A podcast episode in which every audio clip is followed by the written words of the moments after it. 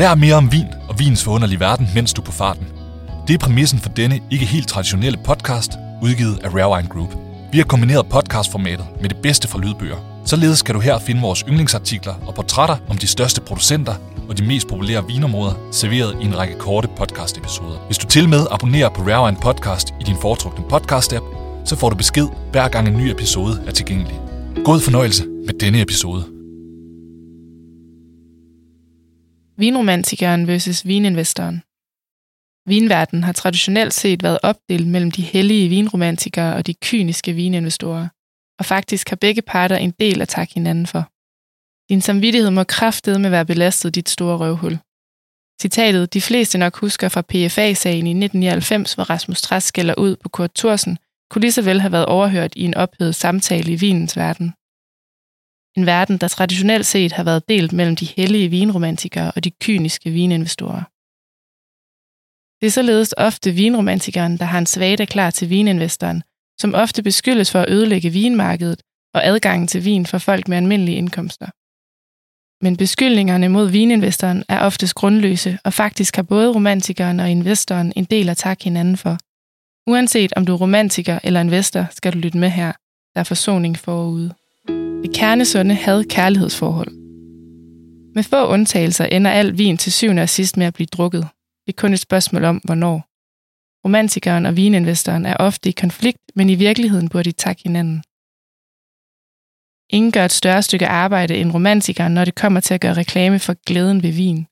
Og det medvirker til øget global efterspørgsel, som i sidste ende medvirker til, at vininvestoren får større afkast på sin investering. I sin jagt på stabilitet og afkast er vininvestoren medvirkende til, at færre vine går tabt som følge af forkert håndtering. Vininvestoren er medvirkende til, at flere vine først drikkes, når de er drikkemodne, og vininvestoren er medvirkende til, at legendariske årgange også i fremtiden kan nydes af flest muligt, til glæde for både gamle og nye vinelskere. Med andre ord medvirker vininvestoren til at begrænse spild, og at flere vinelskere kan få endnu flere store oplevelser med perfekt modnede vine. Uden vininvestoren vil flere vine gå til grunde, og udbuddet af modne vine være mindre, og priserne dermed også højere. Profitjagt forhindrer barnemor på vin. At det bedste afkast på sin vininvestering opnås ved at gemme vinene til de drikkemodne, og efterspørgselen stiger, medvirker desuden til, at færre vine udsættes for det, der i vinkredse måske lidt morbidt kaldes barnemor. Altså, at en vin drikkes før den er fuldt udviklet og uden det fulde potentiale udløses, hvilket er en skam. At flere vine gemmes og færre umodne vine drikkes er en naturlig konsekvens af vininvestorens profitjagt, som i sidste ende fører til færre barnemor. Mindre eddikesurt spild. Er du medlem af bare én enkelt vingruppe på Facebook, vil du være bekendt med de mange opslag om vinkældre, der er gået i arv. Men set ud fra et vinøs synspunkt er det desværre ofte 20 år for sent. Hvad der engang var god vin, er nu blevet til sur eddike. Dette sker ikke, når vinen ejes af en vininvestor, der i takt med, at vinen nærmer sig slutningen af sit drikkevindue, vil opleve lavere årlige prisstigninger, og dermed naturligt vil blive motiveret til at sælge vinen, så den kan blive drukket inden det er for sent. Mange af de bedste vine kan holde i 30, 40 og 50 år, og når de nærmer sig slutningen på deres optimale drikkevindue, vil de gradvist overgå til at have status som samleobjekt med mulighed for en vinøs tidsrejse, der selvom vinen nok smagte bedre for 10 år siden, alligevel er en stor oplevelse for mange. Efter udløbet af en vins optimale drikkevindue vil det årlige afkast ofte være lavere, hvorfor investoren naturligt er motiveret til at sælge vinen inden sidste udløbsdato. Vininvestoren medvirker således til, at vinen bliver gemt, men ikke for længe. Vin skal drikkes og nydes, ikke spekuleres i. Sådan lyder det ofte skeptisk fra flokken af selvbestaltede vinromantikere. De selv samme romantikere, som på den ene side udgør ryggraden i vinverdens ambassadørkorps, således løfter de en stor opgave i forhold til at engagere nye disciple. På den anden side er det desværre også dem, som uagtsomt ender som deres egen religions største syndere. Sagen er nemlig den, at de fleste vine, som håndteres eller opbevares forkert eller som gemmes for længe, findes i disse romantikers egne kældre. Mange forkøber sig ud over, hvad de nogensinde kan drikke, mens andre mister interessen og glemmer de vine, de har liggende i kælderen. Det har den sørgelige konsekvens, at vinene her aldrig kommer til deres ret.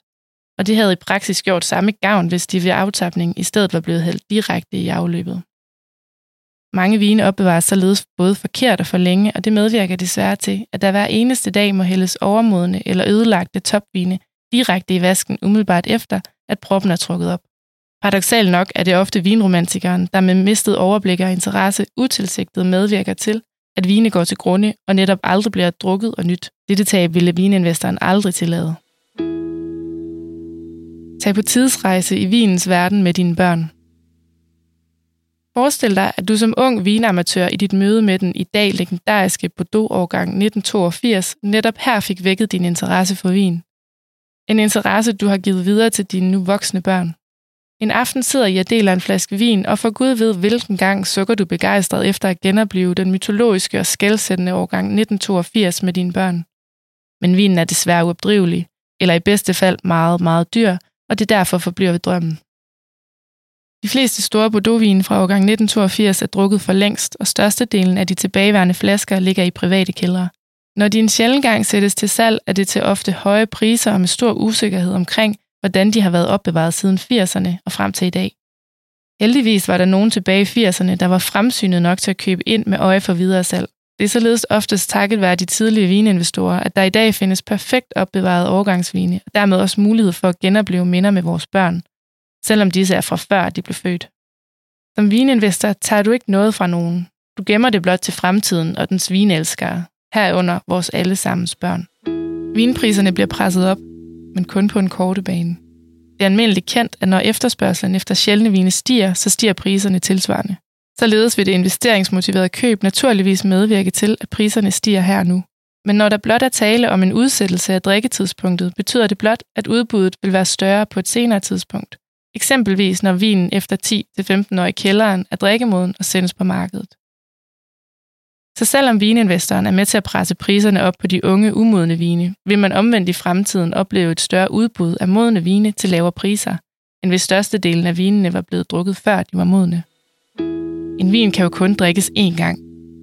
De gode gamle dage, hvor man kunne banke på hos topproducenterne i Bourgogne og købe Grand Cru i staldøren til et par hundrede kroner, er for længst over og kommer aldrig tilbage. Den voldsomme stigning i den konsumdrevne efterspørgsel er blandt andet årsag til, at disse vine i dag koster tusindvis af kroner. Dertil kommer den spekulative efterspørgsel, som har bidraget yderligere til vinprisernes himmelflugt de seneste 30 år. Uanset hvilken lejr man tilhører, har man alligevel, når alt kommer til alt, kærlighed til vin til fælles. Og set i det lys bør vinromantikeren og vininvestoren sende en kærlig tanke til hinanden og skåle på, at deres vinkøb medvirker til, at færre vine drikkes for tidligt eller går til grunde. Ligesom modne vine i fremtiden vil være mere tilgængelige til vinromantikeren. Således kan man ligefrem tale om, at de to yderpoler faktisk er hinandens yin og yang. Så længe vinen i sidste ende bliver drukket og spreder glæde, er der ingen grund til dårlig samvittighed. En vin kan jo kun drikkes én gang, så sørg for at nyde øjeblikket og send en tanke til dem, som gør det muligt. Tak fordi du lyttede med på denne episode af Rare Wine Podcast. Husk at abonnere på podcasten i din foretrukne podcast-app, hvor vi løbende udgiver nye episoder. Alle episoder kan læses som artikler på rarewineinvest.dk, hvor du også kan dykke ned i en masse andet spændende indhold og portrætter fra vinens verden. Vi lyttes ved.